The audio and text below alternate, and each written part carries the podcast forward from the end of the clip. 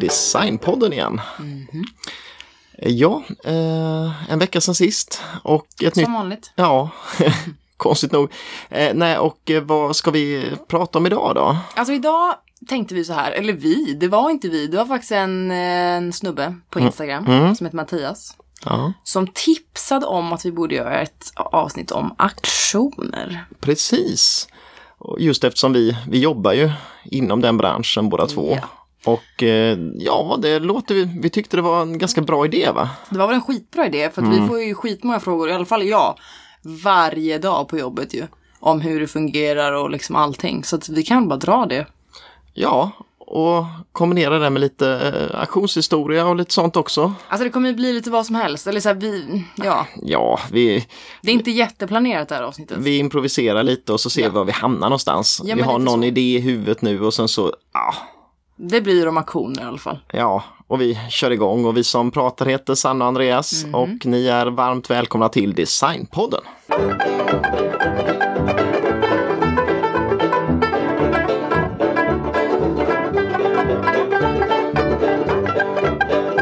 När man tänker på auktioner så det finns ju några auktions, auktionshus så där som dyker upp i huvudet på de flesta. Och det är ju engelska auktionshus egentligen. Mm. Ja, man, det är Sotheby's och Christie's. Ja, precis.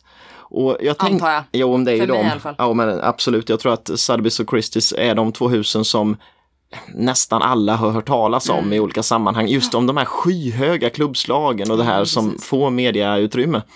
Och jag tänkte egentligen börja lite kort, alltså extremt kort och bara nämna några av de stora auktionshusen i världen. Och, Ja, men det kan väl vara lämpligt. och det här kan ju vara liksom, det är väl lite Ja, det kanske inte är jätteaktuellt för särskilt många att handla där på de här auktionerna men det är, Nej, kul, nej. att- det är kul att kolla på deras sidor och se lite vad som säljs och ja, jag brukar vara inne där och kika ibland. Ja absolut, det är rätt kul. Eh, särskilt de här eh, designaktionerna och så Mm. är ju jättekul att följa. Såklart. Så ser man lite internationellt vad de här grejerna som säljs i Sverige ofta och så där kostar. Mm, ja, ja, jag förstår.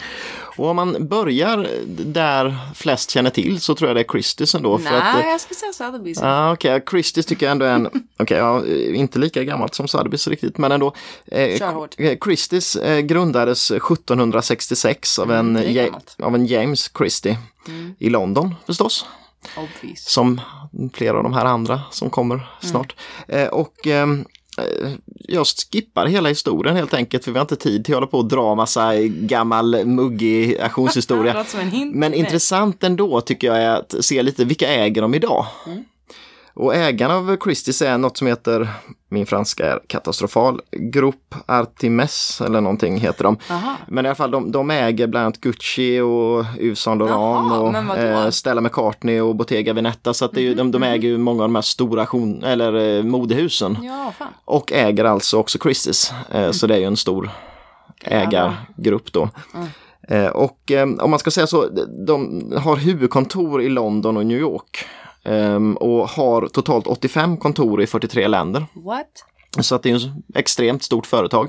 Vad fan, 43 länder? Och hade alltså en total försäljning under 2015. Jag hittade en artikel i New York Times som jag använde av just för att få fram försäljningssiffrorna och jag utgår från att de stämmer vid, Vi gör det ungefärligt i alla fall. De sålde alltså varor för 45 miljarder under 2015. Så att det är ett väldigt stort auktionsföretag. 45 miljarder. Eh, och ett annat företag då som vi redan varit inne på är ju Sotheby's. Sotheby's. Och det är också ett sånt där gammalt eh, engelskt eh, auktionsföretag, Anrikt. anrikt.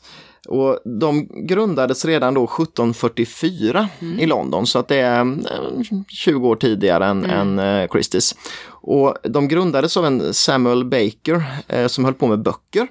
Baker-böcker. Eh, ja, och, och då hette de inte Sotheby's utan de hette Baker and Lee. Och sen så finns det en lång brokig historia hur de blev det företag de är idag. Och det Men kan det var man någon gärna som hette Sotheby, antar jag. som blev inblandad sen ja. Ja, ja. Men, men det kan man googla sig till om man vill. Men hur som helst i alla fall, huvudägaren på Sotheby's det är ett kinesiskt eh, livförsäkringsföretag. Jaha. Så att det eh, Taikang Life heter de. Va? Så att det är kinesiska ägare på företaget. Eh, sålde för eh, 46 miljarder under 2015 så det är ganska exakt samma som, som Jävlar. Christie's.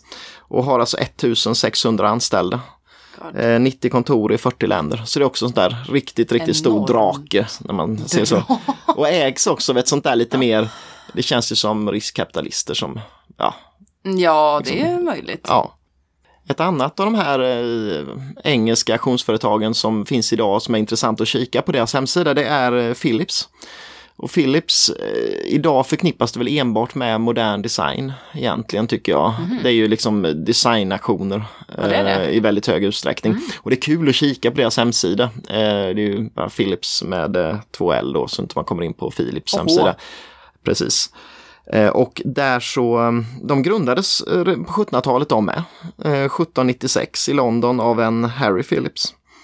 Och han var eh, James Christies sekreterare så att han hade liksom Nej. den, eh, den bakgrunden då va, Ja, ja, ja. från Christies. Eh, Och ägaren av Philips idag, det är en rysk eh, företagssfär som heter Mercury Group. Mhm. Och företaget omsatte 5,5 miljard ungefär under Men gud, det är 2015. en väldigt stor skillnad. En stor skillnad. Eh, Jag kan säga att eh, alltså Philips känns ju mer, de är ju nischade på ett lite annat sätt än Jo. Christies och Sotheby's som har den alla typer av auktioner med mycket antikviteter, extremt mycket eh, väldigt dyr konst. Mm. Medan Philips satsar väl på, där, när det är med konst, då är det mycket fotokonst och Ja, popart inte och sånt istället. samma. Eh, Men de har åtta kontor i åtta länder och sen så har de ett antal representanter runt om i världen också. Mm. Mindre men mer nischad. Världen kik, absolut, på Ja, Philips hemsida. Sen har vi också då Bonhams som jag tycker är värt att nämna och det Ja, är också ett sånt här 1700-talsföretag eh, från England. Och Bonhams de grundades ju då 1793 av eh, några som hette Thomas Dodd och Walter Bonham. Och höll på, med, ja, höll på med böcker och eh, eh, tryck, Okej. gammal grafik Mm. från början. Men idag så har Bonham 66 kontor runt om i världen. Men eh, och kring 800 anställda och omsatte under 2014 som är den senaste siffran jag hittade. Eh, det har de sålt för 6,5 miljard.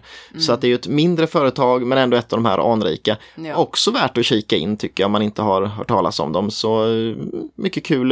Det som är kul idag är att de gamla auktionskatalogerna ligger ju kvar på nätet på hemsidorna. Så då kan man gå tillbaka auktion för auktion och kolla vad olika saker har gått för. Ja, det är ju kul. man hittar mycket så roliga saker ändå på, på de här sidorna. Ja, fast då är det ju för sent. Jo, det är det ju fast om jag ska vara helt ärlig så hade jag inte, det hade inte sagt ärligt att köpa någonting ändå Nej, riktigt på de där. Men, men det är väldigt roligt ändå att kika på.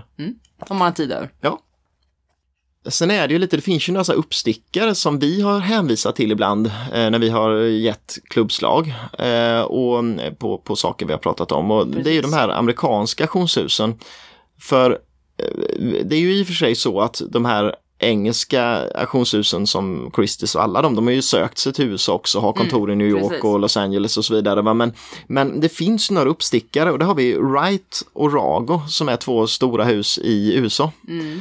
Eh, Men de här är ju bildade nyligen, alltså Wright startades i Chicago år 2000 av Richard Wright.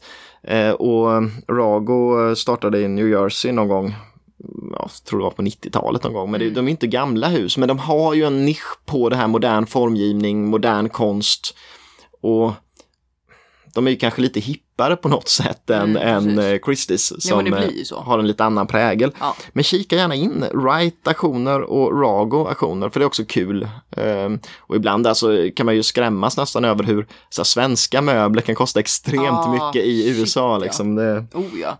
Men Wright har ju nästan haft alla högsta klubbslag som jag har tagit upp. mm. Och jag tror det är man når de här, den här rika slutkonsumenten i USA på ett, på ja. ett sånt sätt.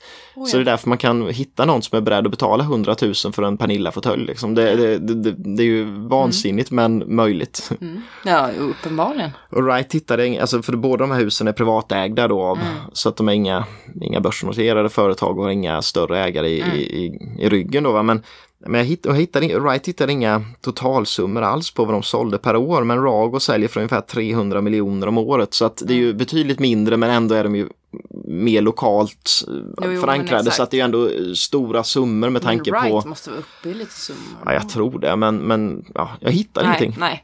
Men skitsamma. Men det här är en liten så sammanfattning på några av mm. auktionshusen Jo, som finns. bra. Ehm, och ja, vi går vidare på Sverige där, va? för du hade, du ja, hade men jag måste mer kollat på det. svenska, för det är ju det vi kommer foka på uppenbarligen. Ja.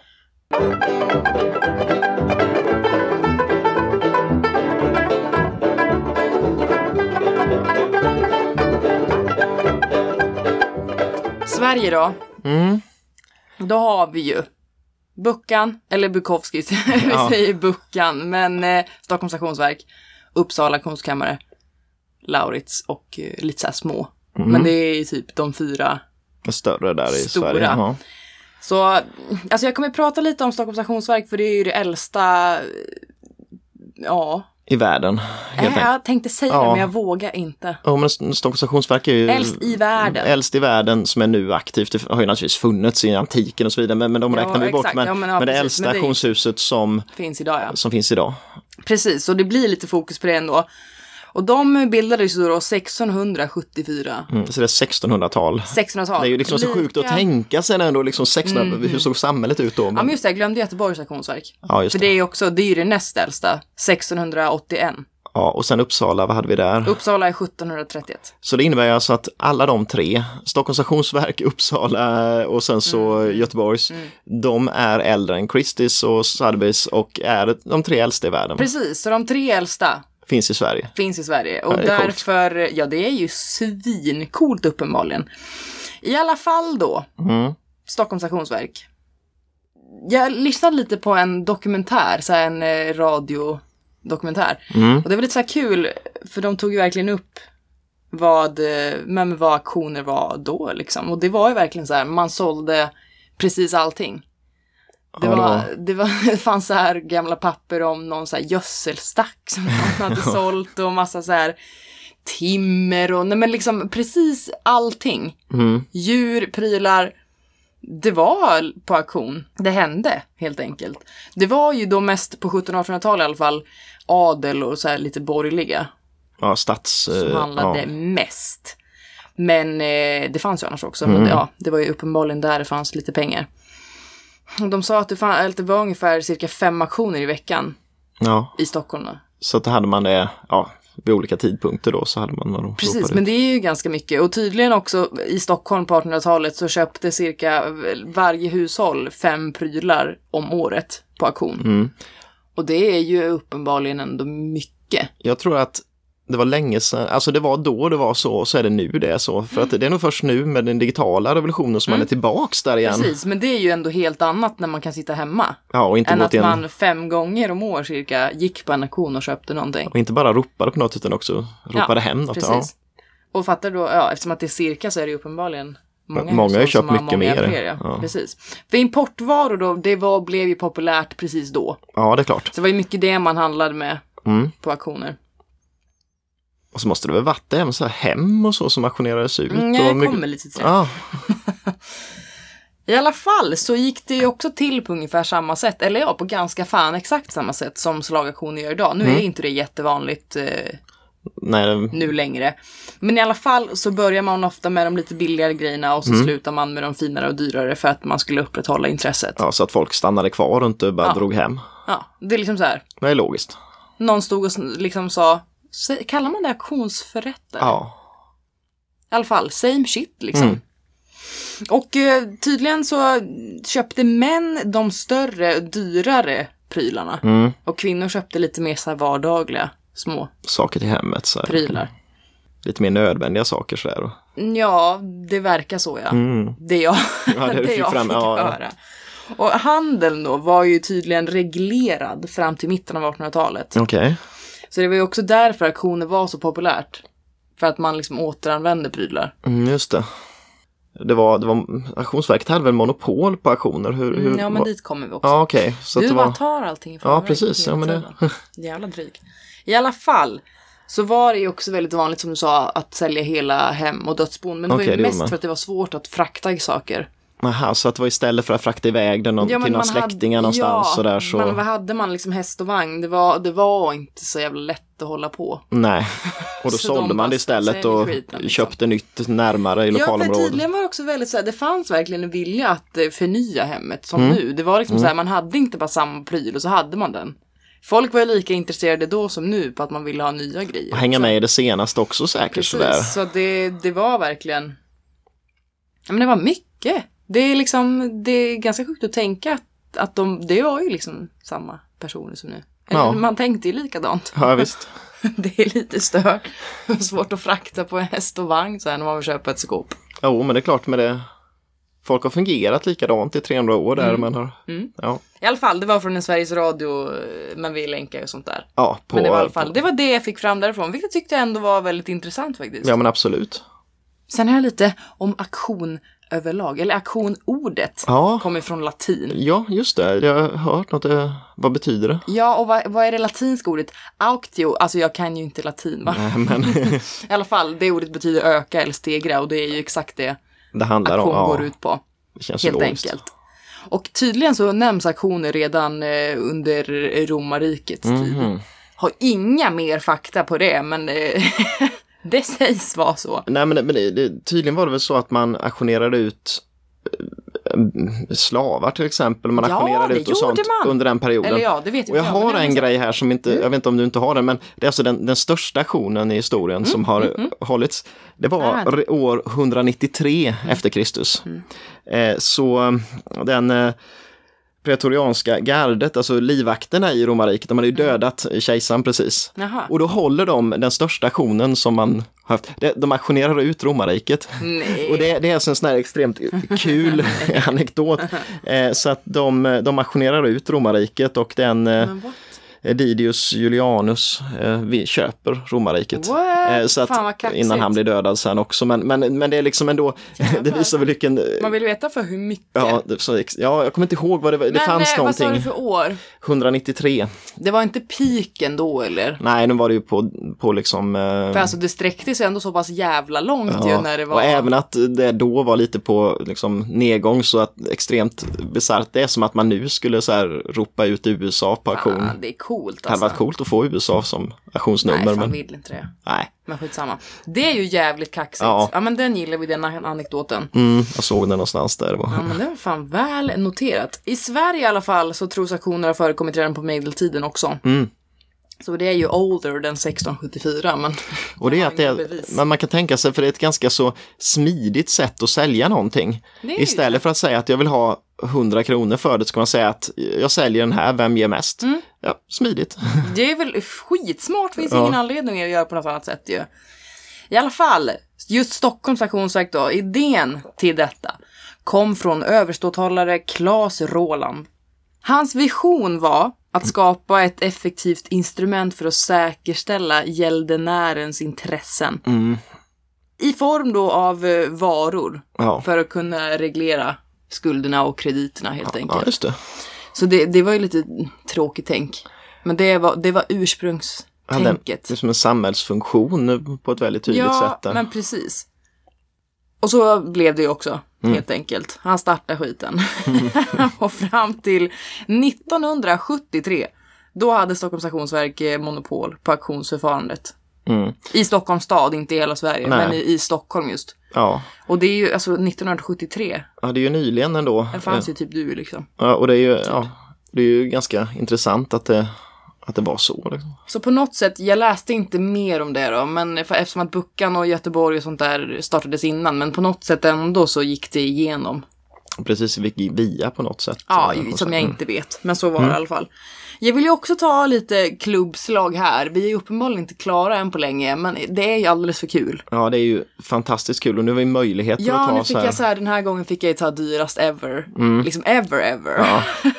det tycker jag är så jävla fantastiskt. Jag tänkte börja lite då med Sverige. Ja, Uppsala auktionskammare. mm. Dyraste prylen ever. Alltså det här, jag tror det var lite svårt att söka sig fram till. ja och, det, precis, och det, i och med att det ändras också Ja, det gör ju tiden så, uppenbarligen. Det kan ju vara från dag till att, dag. vi kan väl säga så att om någon har upptäcker något som vi har fel på här så får de gärna mejla in Ja. och sen så... eh, Oh, ja, det får man alltid göra. Ja. I alla fall, det ska tydligen vara en sekretär från sent 1700-tal. Ja, Av möbelmästare Nils Dahlin. mm, Som klubbades för 15,2 miljoner. mm. Och det är ju mycket pengar Ja. för en sekretär. Det måste ju vara en av de högsta klubbslagen på möbel, om inte det högsta i Mm. Jo, Sverige. men det stod det ju då, då på den artikeln. Men sen vet Att inte jag högst, om eller? det... Ja, Ja, på en möbel. Mm. Men sen om den har uppdaterats jag tror faktiskt det gäller Jag tror fortfarande. inte heller det. Vi bör ha lite koll, men vi kan inte lova saker och ting. Men i alla fall, det är ändå möbelmästaren är väl inte skitkänd heller? Nej, men Eller känner ju den här? jo, men inte liksom så att fantastiskt bra möbel naturligtvis. Jo, jo, verkligen. Men det är ändå 15,2 miljoner. Det är ju uppenbarligen sjuka pengar. Och det var Men Uppsala. fall, det var Uppsala. Bukowskis har ju då den här Andy Warhol Last Supper. Mm, just som såldes för något år sedan va? Eh, han gjorde den då 1986 och den klubbades för 50 miljoner. Mm. Och var den som eh, det var lite sån nagelbitar när den såldes för att jag vet jag följde den aktionen eh, live på mm, streaming på nätet och den såldes ju inte under aktionen utan den blev återropad. Eh, men det kom in ett bud efteråt Ja, det där budgivaren hade failat på telefon Japp, tydligen. Det. Mm, Eh, så att eh, det kom in ett bud och det blev liksom den högsta noteringen i, och det är väl också den högsta noteringen på auktion i, i Sverige, I Sverige, ja. ja, ja. överhuvudtaget. Oh, ja.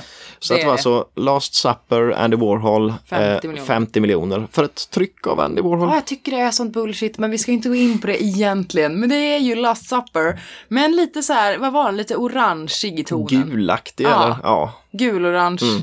liksom ton över hela. Det är det. det är mycket pengar. Ja, men det är så sjukt, för han har inte gjort något. Får man ens göra så? Eller varför får han använda... Ja, det är ju fri upphovsrätt så du får göra vad du vill på allt gammalt så, men, ja. det, fan. men han ändrade ju färg i bakgrunden i alla fall så att då, ja, ja, skitsamma. Stockholms auktionsverk då. Det var ju väldigt nyligen, Mm. det var förra året, en eh, Vasilij Kandinsky. Mm. Vad den heter den där tavlan tänker jag inte säga, för det var inget bra. det var, I alla fall, den klubbades för 32,5 miljoner. just det. Och eh, det är ju, ja, jättebra klubbslag verkligen på den. Självklart, det är ju, ja, det är sjukt. Mm. Och att de lyckas få den också. Att få Den den och sälja den i Sverige på Ja. det är ju naturligtvis en jättestor grej. Det Precis. Ja, alltså bara det ska man ju liksom förstå är inte så jävla fantastiskt. lätt att åstadkomma. Nej, men i och med att de här stora auktionshusen utomlands också finns där som naturligtvis Exactly. hemskt gärna skulle ta emot den så är det ju Precis. fantastiskt gäller ju kul att, både Andy Warhol och Kandinsky. precis, här, liksom, att, att det finns ändå folk Mm. som lämnar till ett svenskt auktionshus. Trots Precis. att de är äldre så, så är de kanske inte mest kända i världen. Nej, men, nej, eh, men tydligen, det, det räcker ju ja, i alla fall. Ja, absolut. Och det var ju verkligen internationellt konkurrenskraftiga priser. Så det, Jag är med Laurits.com också. De Mm. har ju lite svenska filialer, men det är danskt då. ja, precis. Och de har ju sålt en kinesisk buddha-staty, Ja, vilket är en väldigt random grej. mm. sannolikt asiatiska budgivare på Ja, en det sån är sak. det ju. Men i alla fall, den var också bara 55 centimeter hög. Och såldes på nätaktion då. På nätaktion. 16,1 miljoner. Mm. Extremt högt. Extremt högt. Frågan det måste vara den högsta noteringen på, På nätaktion, ja. Ja. Det vet jag inte, men jag gissar det, ja. ja, jag kan inte tänka mig att, eh, att det finns några högre noteringar på nätaktion faktiskt. Nej, nej, gud nej. Nej, för alla andra är såklart uh, slagaktioner i lokalen, så Ja, säga. precis. Jag måste ju också uppenbarligen ta upp. Det här gäller dock inte auktion, men jag ska nämna det lite snabbt. Men det som är sålts, som är dyrast ever. Ja, precis. Och mm, Jag hade hoppats att det var genom ett auktionshus, men det var tydligen en, en privat försäljning. Men i alla fall då, det är ändå kul att ta upp den dyraste tavlan just nu som har sålts. Och det är ju då en Paul Gauguin som heter When Will You Marry? Som föreställer två flickor i Tahiti. ja, Som såldes för 2,48 miljarder kronor. Jag var bara tvungen att ha med det, för det, det är så sjukt. jo, är Och ju tydligen var det Qatars, Qatar eller Qatar, mm, Qatar. Qatar. I alla fall kungafamiljen där. Mm. Som köpte det. Lika den näst dyraste tavlan ever i världen är också samma. Ja, de köpte också den. Japp. Och vad var det för något? Då? Det Ja, någon- det var en Cézanne som var, hette Kortspelarna. Ja, Och det var ungefär de pengarna också. Så de har köpt så här, typ, det är fem miljarder ihop på de Bara två tavlorna. på två tavlor ja. Ja, Ja, det är så jävla sjukt. Det är så sjukt. Men i alla fall, på auktion då. Det är ju då Christie's som har den högsta noteringen. i New York. Ja, Det var en Picasso. Mm. Kvinnorna i Alger. ja, Gillar spanskan. Ja. I alla fall, 1,48 miljarder. 1,48 miljarder. Mm. Ja, Det är det dyraste att hitta på auktion. ja, och det är ju naturligtvis också fruktansvärt mycket pengar. det var, Sjukt. Picasso. mm, Ja, jag vet inte ja. Men så är det i alla fall och det är ju kul att ta upp de här dyraste. Fast nu kommer ingenting någonsin klå det här ju. nej, precis som vi kommer ju prata om i fortsättningen. Nej, Nej. kommer det vara små pengar sen men, Ja, men ja, men ändå. det får gå. Ja. Värt att nämna också tycker jag är, det finns ju olika, alltså det finns ju de här klassiska, nej men de klassiska salsauktionerna och så finns det ju nätauktioner idag där i Sverige, det finns Auctionet som har många massa små, små auktionshus som är anslutna till som Precis. eh, har nätauktioner. snäppet billigare. Ja. Och sen så har vi Lauritz, det finns också auktionsverk och Bukowskis Market. Men, men, men där är ju egentligen själva tanken Göteborgs. att, ja, men där är själva tanken att man, man har vanliga, alltså aktioner på vanligt vis fast budgivningen går via nätet. Mm. Men, men det är fortfarande så att eh, någon värderingsexpert har kollat på varorna, skrivit texten, bilderna är tagna av auktionshuset och så vidare. Mm. Men sen finns det ju den här eh, privata auktionerna istället, eh, där Ebay gick i bräschen då. Va? Precis. Eh, och det är värt att nämna Ebay för det är så bisarrt stort företag. Oh, ja. Eh, och de klår alla andra med så enorma hästlängder Mm. liksom. Och även om det finns de här noteringarna på, på ett par miljarder för en tavla och så vidare. Eh, så, så volymen på Ebay är ju så bisarr vilket ju gör att ehm, Ja, det, det finns ju ingenting som slår det. Nej. För Ebay eh, grundades ju så sent som 1995 liksom, och innan dess fanns det ju inte eh, budgivning på det sättet liksom, på, på nätet. Och eh, idag så har Ebay eh, ungefär 30 000 anställda. Mm. Så det är ett extremt stort företag. Och under 2014 omsatte företaget 160 miljarder. Nej. Så det är ett så verkligen gigantiskt företag. Och jag gick in på deras hemsida och så finns det någon pressida där och, och där, där kan man se lite så här siffror. Mm. Och de har alltså 167 miljoner användare. Eh, 25 miljoner säljare. Och deras toppnotering på antal aktioner aktiva samtidigt på sidan är en miljard. Så att det är verkligen så här bisarrt stort. Ja, det, det det finns liksom tänka. ingen, det går inte att tänka va. Nej. Och det gör ju att eh, det är ju naturligtvis kul att ha de här jättehöga enskilda klubbslagen. Men där de riktigt stora pengarna görs, det är ju där volymen är stor. Mm, Oh, ja. och, och Ebay är ju ett sånt exempel verkligen där man Oj, eh, oj, oj, ja. måste få in så enorma pengar på alla de aktioner som snurrar hela tiden.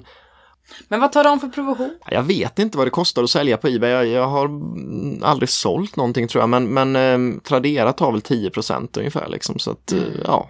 Det blir uppenbarligen mycket pengar. Vad tänkte du säga innan? Nej, men jag tänker det att liksom det, det, där tänker man ju istället då den stora volymen och den här möjligheten för människor var du bor i världen ändå att sälja dina prylar till någon annan. Jag har köpt väldigt mycket på Ebay och det går ju att hitta så här kul saker från USA eller från eh, Indien eller var än du köper ifrån så går det att hitta dem på ett sätt som aldrig hade gått annars. Nej, men hur är det med frakten då? Ja, det beror ju på vad frakten kostar. Alltså, posten är rätt dyr i Sverige så det gör ju att man blir förvånad över hur billigt det är att få någonting Jaså? skickat från USA. Okej. Jag har köpt en del lampor och sånt där och det kostar kanske en, 150-200 spänn att få en lampa från USA och det, det är ju inte mycket pengar. Det är ingenting.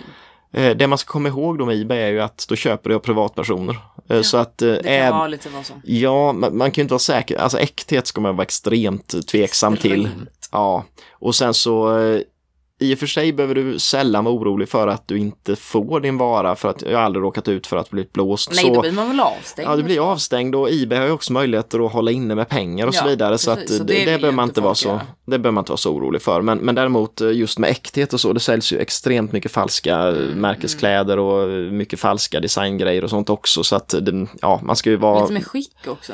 Ja, jag tror man ska vara väldigt, man, ska, man har ingen möjlighet att reklamera på samma sätt som man har Nej, på så vanliga auktioner. man ska väl kanske inte ha jättehöga förväntningar och förhoppningar att man får exakt det man ser på bild kanske. Nej, Men det kan ju bli jävligt bra. ja men det, absolut, jag har hittat mycket kul, just sån där Mm. kul småsaker är ju jätteroligt att kolla på på Ebay för du kan hitta vad som helst egentligen. Dinosaurietänder. Ja, dinosaurietänder eller eh, liksom kul lampor eller eh, ja, samlarföremål finns Ja, det hur man hittar ju allt. Det är ju ja. det som är så jävla bra med Ebay. Ja, För att ändå auktionshusens online-auktioner, det är ju uppenbarligen någon som sållar ganska hårt. jo men det är ju lite dyrt, alltså det, per automatik och det kommer vi in på varför, men, men det blir ju lite dyrare saker. Men vi kan väl komma in på varför på en gång och det är ju att, eh, att vi har, eller vi, men man har ju ett eh, lägsta Lägsta pris helt enkelt. mm, som man inte tar in varor under. Mm.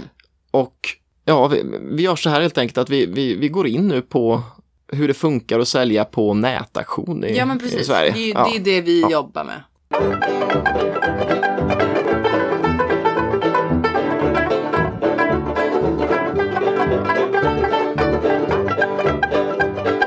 Så då vill vi alla veta då, eller jag vet ju, men hur det faktiskt går till om man vill sälja något. Så vi Precis. börjar med det. Om man vill sälja någonting, på nätauktion. Ja, och, och där, visst det skiljer sig ju lite åt mellan de olika auktionshusen. Men ändå. grundprincipen är ju densamma. Exakt, så vi, vi kör en lite allmän grund. Ja, men absolut. Eh, Ofta är det bra om man har någonting så idag finns det ju stora möjligheter att få online-värderingar på, Precis. på sina saker. Och då kan man gå in på respektive auktionshus och eh, där kan man klicka sig fram till online-värdering. Ibland Mm. ska man mejla, ibland finns det formulär. Men det är ju ett bra sätt liksom att få en preliminär värdering. Ja, och ringa kan man också göra om det är så. Ja, absolut. Eh, och, och där, jag menar man får ju inte någon benfast värdering för sen så eh, äkthet går ju aldrig att avgöra utifrån Nej. en bild liksom eh, det hundraprocentigt. och- är ju liksom bara ett hum. Ja, det för ungefärligt. Men till exempel du har en Jetson-fåtölj, du kollar, du, skickar in en bild och du får ett svar att ja, men mellan 6 och 8 tusen får du för den. Ja, men då, då vet du ett första steg där. Mm. Och det är va? egentligen bara för att veta att är det värt att jag kommer in med den här prylen? Över huvudet. Eller är det liksom, ska jag bara skita Ja. i det? Och för det är ju ganska skönt när man har gjort den här första. Ja, och där tycker jag inte man ska behöva vara så jävla, alltså är man bara osäker på något så inte man slänger grejer, det är bättre att fråga. Och det tycker jag verkligen folk ska göra. Mm. För att det värsta som kan hända är att man får ett nej och, och det är ju inte hela världen. Liksom. Det, det är ju bättre att ha kollat och, att, och sen var det ingenting än att man upptäcker sen en månad senare att, att den här stolen man slängde var värd 20 000. Liksom. Så att, och det är ju många som har gjort sådana ja, eh, upptäckter. Va? Ja, men helvete. Alltså, det är klart man ska göra det om man undrar. Så den möjligheten som finns idag är ju helt gratis och väldigt bra. Så att jag tycker ännu fler ska använda det. Att man ska använda de auktionshus som finns och, eh, och eh, göra online-värderingar. Ja.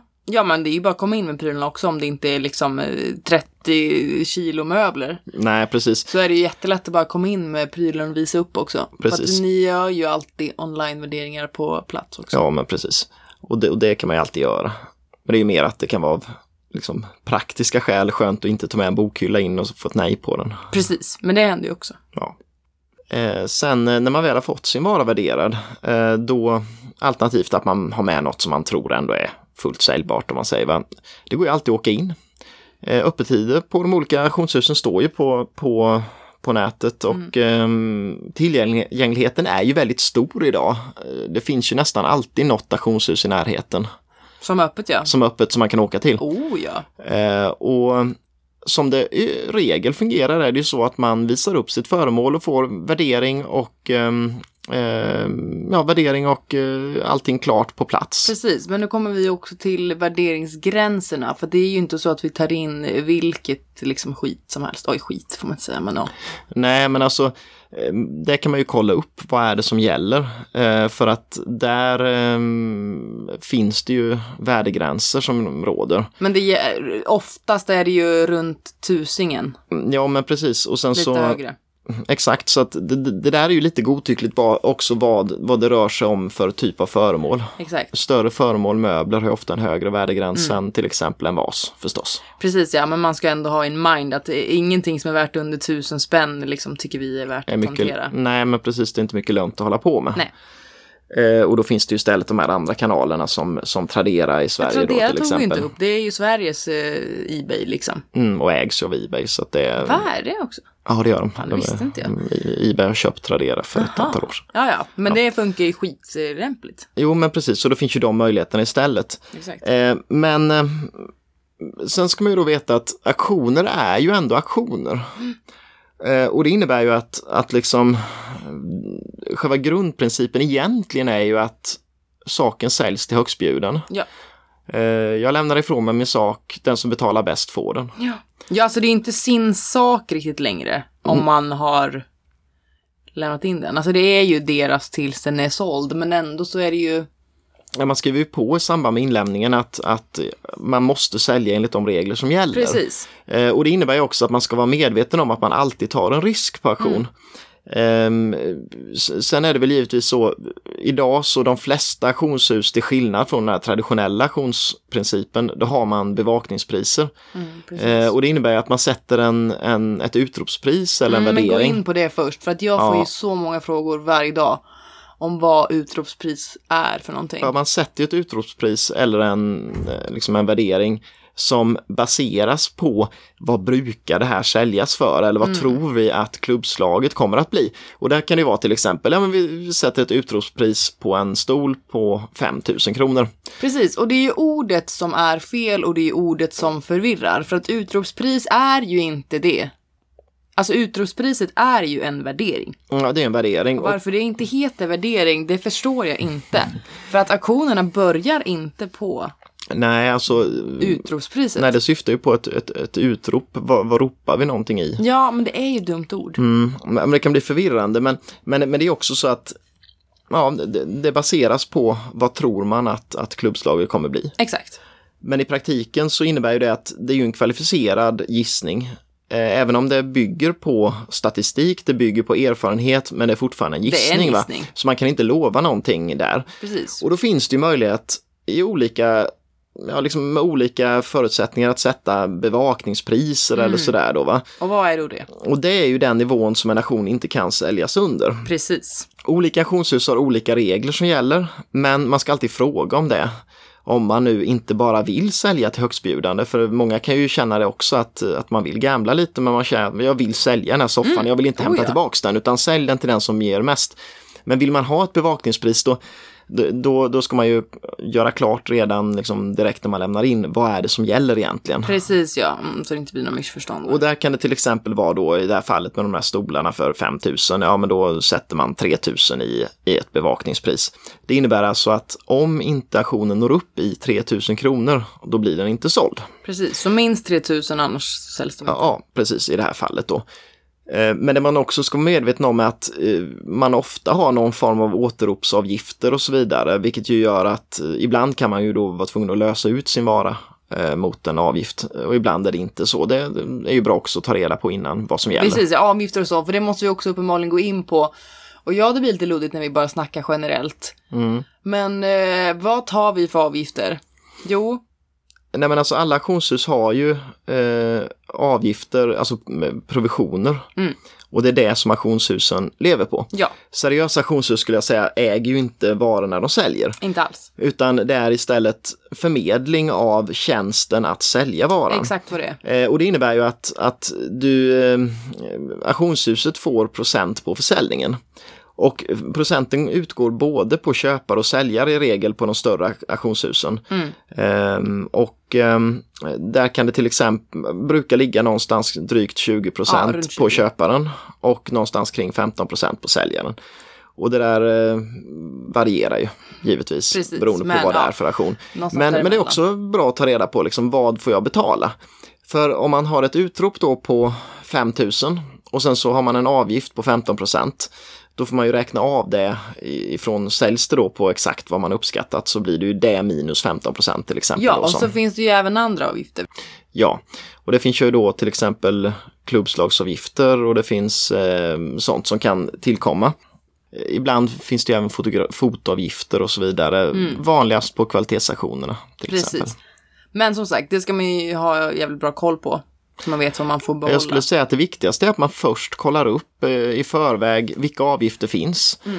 För det, det, man ska ju inte komma dragandes med det där när auktionen är såld sen och så bara, ja men jag hade inte fattat att det kostade det och det, utan kolla upp för det kostar ju alltid att sälja. Precis. Sen är vi lite, nu vi snackar lite om säljsidan i det hela. Mm. Ska vi snacka lite om, om vad köpare också? Jo, men säga. exakt för att man kan väl säga så här att den precis som det var på 1800-talet där som vi pratade om, där med Stockholms auktionsverk och att, att folk köpte och förnyade hemmen och man Mm. sålde av dödsbona och så. Det, det, det, det ser ju likadant ut idag. Oh ja, liksom. man säljer precis allting. Men den stora skillnaden är ju den digitala revolutionen som har kommit. Och det drog ju fart där under 90-talet egentligen eh, hårdast.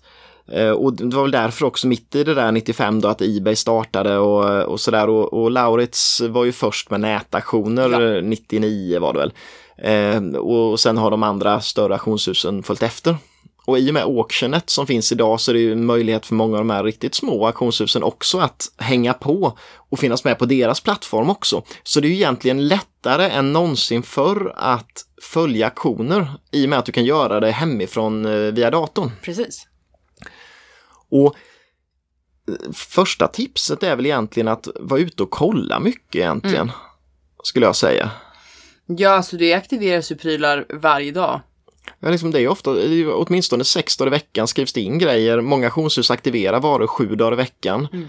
Ehm, de flesta auktioner ligger aktiva mellan 7 och 10 till 14, 14. dagar. Ja. Så att det, det är var ute och kolla ofta om man letar efter någonting. Ja. Och därför så finns det ju många olika kanaler att vända sig till. Men om man ska vara ärlig, liksom i Sverige idag, om man ska kolla på de större, så är det ju um, Bukowskis Market som nätaktion. Det är eh, Stockholm. Lokalen i Västberga allé om man vill åka dit. Ja, i Stockholm och de finns ju även på, mm, vad är det i? i Berzelii park. Ja, finns i Göteborg, finns uh, Bukowskis och finns ju i Malmö och Helsingfors. Mm. Sen så är det mm, eh, Stockholms stationsverk online och Stockholms stationsverk ägs ju av Lauritz eh, men är ju en egen plattform och ett eget Mm. företag. Och eh, där, mm, eh, där finns ju Stockholms stationsverk i Frihamnen, magasin 5 i Stockholm. Yes. Eh, finns i Göteborg och i, eh, ja, finns ju, ett, någon, finns ju lokaler i Malmö men har ju, ingen, har ju inga Nej, egna, precis. egna, egna aktioner som ligger ute där. Och på Slakthusgatan i Stockholm. Slakthusgatan. I Globen. Just det. Och där finns ju också Lauritz då. Ja, exakt. Så Lauritz är också en sån plattform som man kan kika på. Ehm, men eh, sen så finns ju även Auctionet som vi har nämnt där och där är ju jättemånga auktionshus eh, anslutna till. så Precis att, eh, ja, bland annat Kolonn. Ja, och det finns ju många utländska hus också så där kan man ju kika lite. Ja, alltså vill man ha en specifik pryl så kan man ju ofta lägga in sökord på de här olika. Just det, det finns om man blir medlem eller blir kund hos, eh, någon så- och det kostar ju Precis, ja. förstås Alltså, ingenting. eller nej, så, och utan, för att kunna köpa, vill vi betona och sälja, så måste man ju vara kund helt Mm. enkelt. Det, det kommer man inte ifrån. Mm, Men det är ju som sagt, det kostar ingenting och det är bara standarduppgifter som Ja. alltid, så det är ingenting krångligt. Men det måste man i alla fall vara. Och Men då kan man lägga in sökord och då får man, kan man liksom få noteringar om. ja men en, en stringhylla nu dyker kommer upp. en eller, Jetson, liksom. Ja, och det är ju ganska bra, Det är väl jättebra? bra sätt att, att göra och hur det fungerar respe- på respektive auktionshus, det kan man ju bara ringa till deras kundtjänst i sånt fall och, Ja. och ställa frågor Oh, eller ja. ofta står det på hemsidan hur man gör. Men det är väl ett bra tips, liksom hålla utkik. Och jag tycker att ett bra tips är också att leta i kategorier så här, va? för att visst det kan vara kul att köpa en Jetson men det, det finns ju så jäkla mycket andra kul fåtöljer. Mm. Och då kan man ju verkligen gå igenom fåtöljer om man har tid Ja, över gud, ja. och sitta och bläddra och bläddra och bläddra. Man kommer ju hitta mycket roliga saker. Oh ja, det gör man alltid. Men i alla fall, jag tycker inte riktigt vi gick in på hur det faktiskt går till då när man faktiskt vill köpa någonting. Okej. För det, det får jag också så himla mycket frågor om. Mm. Men hur gör man då? För att alla är inte ashype på eh, tekniska grejer. Nej, Så då vill jag gå in lite på hur Ja. det går till va? Ja. Nu har jag hittat den här Jetson-fåtöljen jag vill ha. Mm. Då har den utrop, vad skulle du säga? beroende på vad det är, liksom ligger på Ja, men det är 5 och 10. hypotetiskt. Mellan 5 och 10 000. Vi säger fem. Ja, Och då, då, för bevakningsprisen är ju oftast dolda Ja, för man- de som köper. precis. Man vet inte vad det ligger på för nivå. Nej. Men det framgår tydligt att det bud som ligger inte är säljande. Exakt ja, men i alla fall då, då säger vi att det är ju säkert tre i alla fall minst som Mm. är bevakningspriset. Säkerligen. Men auktionerna börjar ju inte på tre för det oftast. Utan att börja på några hundralappar. Ja. Så i alla fall då, då börjar man ändå därifrån och så är det ju ofta hopp på 100 spänn. Mm. Och då är det liksom antag, alltså an, antingen så lägger man ett bud 100 och så blir man överbjuden och så lägger man 100 till. Mm. Och så håller man på så och så måste man in och lägga bud hela tiden. Mm. Eller så kan man ju lägga ett maxbud, vilket jag brukar säga till folk att göra om de verkligen vill ha en grej. Mm. Och vad innebär maxbud då? Ja, men det är, om jag jättegärna vill ha den här Jetson. Mm. Och jag kan absolut allra max tänka mig att lägga 5000. Mm. Eller 7 säger vi, Ja. bara för att den här jäveln, den ska jag ha. Då kan jag lägga 7 Mm. som maxbud. Precis. Och det betyder inte att jag lägger 7000 direkt. Nej. Utan det handlar om att jag lägger ett bud och så om jag blir överbjuden så budar datorn åt mig. Jag behöver inte göra det Nej. varje gång någon håller på. Utan datorn får typ i uppdrag av Mm. dig att följa med i budgivning upp till Precis, 7000 den kronor. bjuder åt mig till 7000. Mm. Och det är ju absolut lämpligast. Absolut. Om man vill verkligen, verkligen ha en pryl. Ja, för det är ju det enklaste sättet om man säger. Men som sagt, det handlar inte om att du lägger sju direkt. Det handlar om att så högt den behöver gå. Mm. Eller till 7000. Och då när man lägger det här budet ska man vara medveten om att det tillkommer ju då avgifter också. Precis. Så att 5000 i ett utrop och säga att avgifterna är 20 procent Mm, för enkelhetens skull. Eh, då tillkommer ju alltså 1400 på, eh, liksom, om den säljs för, eh, för 7000 då tillkommer eh, 1400 kronor till. Men det står ju ofta Ja, när man lägger budet vad det blir sammanlagt att betala. precis. Vilket jag tycker är bra, för man vill inte hålla på att behöva räkna ut vad man ska börja betala. Nej, exakt, utan när man lägger budet då ser man, ja okej, 7000 plus 1400 plus någon hundralapp i någon avgift. Ja, men det känns okej, ja men då lägger jag det. Precis ja, så det är liksom, ja, oftast får man veta vad man måste betala. Mm. Och sen innan. fungerar ju nätauktioner så att, att du, alltså, du vet när auktionen kommer att avslutas. Så säg att den avslutas eh, en viss dag klockan 17. Då kan det ju vara bra att hänga med på slutet där och kolla lite hur Mm. Ja, det går. oh ja. Ehm, för att ehm, ja, mycket bud kom ju in sista Ja, men det är minuterna. ju så. Det är ju verkligen så.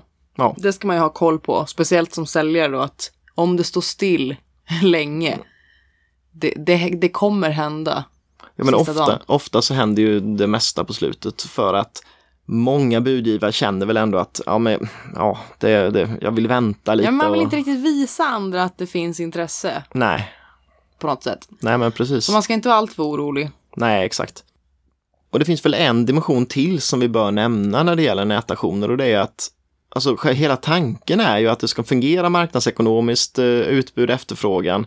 Men så finns det ju så här ett hinder i det här och det är ju frakterna och geografiska, Mm, liksom oh ja. var varan finns.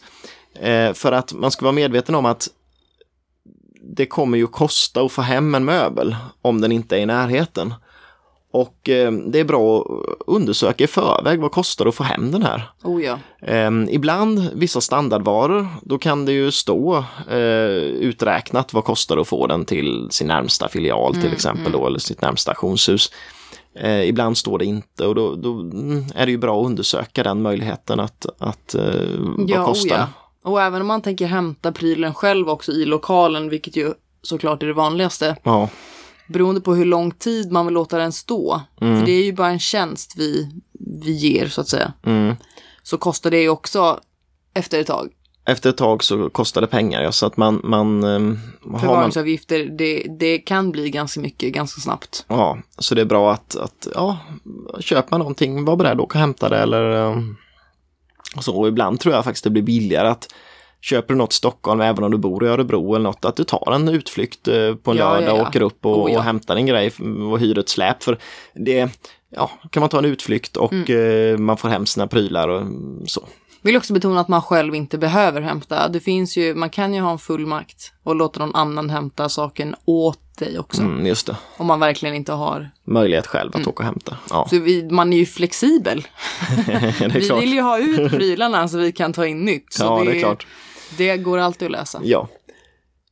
Sen så eh, avslutningsvis kring reglerna så här tänker jag Det är enligt väl typ ångerrätt också. ja, ångerrätten, Det är ju viktigt att veta. eh, enligt, enligt svensk lag, distansköplagen, så har du ju ångerrätt eh, på nätauktioner. Mm. Och det innebär alltså att eh, det gäller samma regler som när du handlar i till exempel en webbshop, eh, Ja. skivor. Alla vet ju att köper du en, en klänning på nätet så får du skicka tillbaks den. Eh, om den inte passar eller något. Mm. Om man inte tar bort lappen. Ja, Då får man fan inte. Ja, reglerna är väldigt hårda egentligen, men eh, hur som helst så du har rätt att skicka tillbaks eh, eller ångra ditt köp. Ja, Eh, och och det, det är ju en regel som gäller helt enkelt. Det, det, ingen får säga att det inte är så. nej för precis. Att, eh, och det behöver inte vara något fel på prylen. Det är bara, du kanske ändrar det bara. Mm. Du behöver inte ta den. och, ja, reglerna är helt enkelt sådana att du har rätt att ångra ditt köp när du köper varor via nätauktion. Ja. Du har 14 dagar från att hämtat ut ditt föremål och det är så reglerna är. Eh, och det kan man tycka vad man vill om, men det är lagstiftat. Men det man kan, tycker jag, nämna här i sammanhanget, det är verkligen att man ska verkligen säga till folk att utnyttja det här så lite som möjligt. Mm. För, för skillnaden mellan eh, när det gäller mot företag, så här, om du, har, du köper eh, skivor från CD-ON eller köper böcker från Bokus, liksom, så, Mm. d- då, då är det ju ett företag som säljer och de drabbas ja. ju inte på det sättet av det, för då kan de bara sälja om dem där igen och det är inga problem. Men på nätauktioner är det oftast privatpersoner ändå som säljer någonting. Det. Och har du så- sålt en matgrupp för 10 000, då är det Fatta jäk- nöjd. jäkligt surt att få varan ångrad. Oh ja. Eh, och därför så, alltså inte bara, alltså visst det är helt okej att ångra för att Ja, man har kan inte missförst- man har missförstått någonting eller att man inte riktigt är nöjd med färgen på den eller något. Men inte sådär buda hem och sen så fundera ett tag om man vill ha den och sen bara ångra. Det tycker jag är Och det gör ju vissa. Vissa Ja. känns så här, verkligen så här shopaholics. Folk kan liksom inte hålla sig ifrån att, Nej. att bjuda på grejer. Och då gärna tänka på att det ändå är privatpersoner som säljer och tänk på att om du själv hade sålt något så skulle du inte vilja att folk bara lättvindigt ändå Nej, bjöd på någonting och ångrar det. Nej, så är det ju. Så Ja. att ja, utnyttja inte det. Man blir avstängd också om man gör det för många gånger. Så att, Ja, precis, och det kan man ju också Ja. ja, undersöka vilka regler som gäller för ånger Precis. på respektive auktionshus. precis. Och så tänkte jag också lite så här, om någonting är trasigt. Ja. För det kan ju hända, för sakerna står ju ofta i, i respektive auktionshus lokaler ett, kanske ganska bra tag innan den ska hämtas. Och säkert om det har blivit ångrat en gång tidigare. Ja. Eller så. Och då kan det ju ha hänt någonting med det. Men i alla fall, om det har hänt någonting med prylen man har köpt, då kan man alltid reklamera. Mm. Och där är ju också skillnaden mellan om du köper något på Ebay till exempel eller på Tradera eller om du köper via ett eh, auktionshus som ja, Bukowskis Market, eh, eh, Stockholms auktionsverk eller liknande. Alltså, då, då garanterar ju det auktionshuset äktheten. Precis. Och det är ju lurigare än om du köper en väska ifrån eh, Tradera. För då ska du ju privat gentemot någon eh, kräva pengarna tillbaka och så vidare. Och det kan ju bli betydligt svårare. Köper du det via ett auktionshus där det kanske blir lite dyrare. Men du å andra sidan säker på att ja, men det här är äkta. Men skulle ett fel ha begåtts, för det kan ju alltid, fel kan alltid göras, va? men då har du alltid rätt att kräva pengarna tillbaka. Precis, och vid ånger vill jag också bara säga att det kostar ingenting. Nej. Ånger kostar ingenting och Reklamationer eh, kostar givetvis kostar inte reklamationer någonting heller då i det här läget. Nej, men det här var väl lite vad vi hade egentligen kring aktioner och sådär. Ehm, det, man kan väl säga att aktion är ju ett roligt, eh, en rolig grej helt ja, det enkelt. är som, skitkul. Eh, Och det finns ju allt ifrån de här aktionerna som man själv var på när man var liten, liksom ute på landet där man eh, sålde hela gårdar och sånt där. det låter som att du är typ Emil Lönneberga. Ja, men det finns ju, tyvärr finns det inte så många sådana kvar, men de var ju också extremt roliga. Men idag så finns det ju möjligheten just med nätauktionen och det är att man, man kan hemifrån buda på extremt mycket grejer Oh ja. Och eh, diverse olika kvalitetsaktioner eh, som fortfarande har eh, liksom, ja, salsaktioner. Precis ja, det är dock inte så himla mycket. Det kan man tycka är lite synd, för det finns ju någon charm i det också. Ja, men exakt, det gör det och, och så visningarna blir ju kanske lite på ett annat sätt. Och, Och ånger sådär. är ju inte samma sak då. Nej, då gäller ju inte ånger eftersom det är budgivning i salen då. Precis, och de har sett prylen. Jo, men exakt. Så att, nej, men det, det är roligt med aktioner och, och jag tycker att man ska kika runt på de sidor som finns. Liksom. Och, som sagt var, vi kommer att länka en del eh, via eh, vårt eh, Instagram-konto eh, där vi heter Designpodden. Ja, där kan man hitta lite länkar och lite förslag på olika auktionshus man kan kolla på. Och vi kommer även ge lite förslag på sådana större internationella auktionshus som även om man inte är intresserad, eller intresserad, men man känner att man inte riktigt har möjlighet att köpa något där, Nej. så kan det vara himla kul att, att kolla runt lite det på det. det. Det är ju det. Men det är ju kul så här, fan den här har jag hemma liksom. Det är Jo. askul. Jo, men exakt. Eh, Så att jag tycker att, ja, det var väl lite vad vi hade där. Ja, det, här, tycker jag väl. det här blev lite ett sånt där avsnitt där vi, ja, liksom, ja, tar en liten break ifrån alla formgivare och Ja men all föremål och fakta så. liksom. Det Ja. är, ibland måste man få chilla lite. Ja. Och eftersom att eh, Mattias då tyckte att vi skulle ta upp det här och det gör vi så gärna. Mm. Eftersom att vi vet Jo, men typ exakt. vad vi snackar om. Ja, i det här fallet så här. Eh, och eh, vad ska man säga, ja, har man några så här kul anekdoter från nationsvärlden och sådär så får man gärna höra av sig också Oh, ja. för att det är alltid kul att höra. Oh, ja, ja. Och om man har några frågor generellt sett. Så. Man får alltid höra av sig helt enkelt. Precis. Det tycker jag. Och eh, hur hör man av sig då? Ja, men det gör man ju då till... Ja. Lät. Till mejlen Ja. designpodden.gmail.com. Mm. Och så går det även att skriva meddelanden till oss på Instagram då. Ja, det är bara kommentarer eller whatever. Ja, Designpodden heter vi där. Ja. Och det finns ju på eh, Facebook också, Designpodden. Så att eh, hör av er och gärna mer förslag tycker jag. Det är så här, eh, Ja, bra men det lite... är lite svårt att komma på tycker jag. Vi har ett vilande förslag på Svante Skog som vi har fått ganska länge att vi ska prata om. Men, Just men det, det, det kommer. Men vi måste, Fan, vi håller på och gräver lite fakta där Ja. för att det är, mm, ja, det är lite lurigt att få fram eh, tillräckligt ja, mycket info om Svante. Mm. klurig, actually, men ja. det- Men vi får se vad vi handlar om nästa gång. Ja, vet vi vet, inte. jo, ja, vi vet nästan nu va? det. Nu vet vi. Men eh, det visar sig. Så att på torsdag nästa vecka är det ett nytt avsnitt av Designpodden igen. Yes.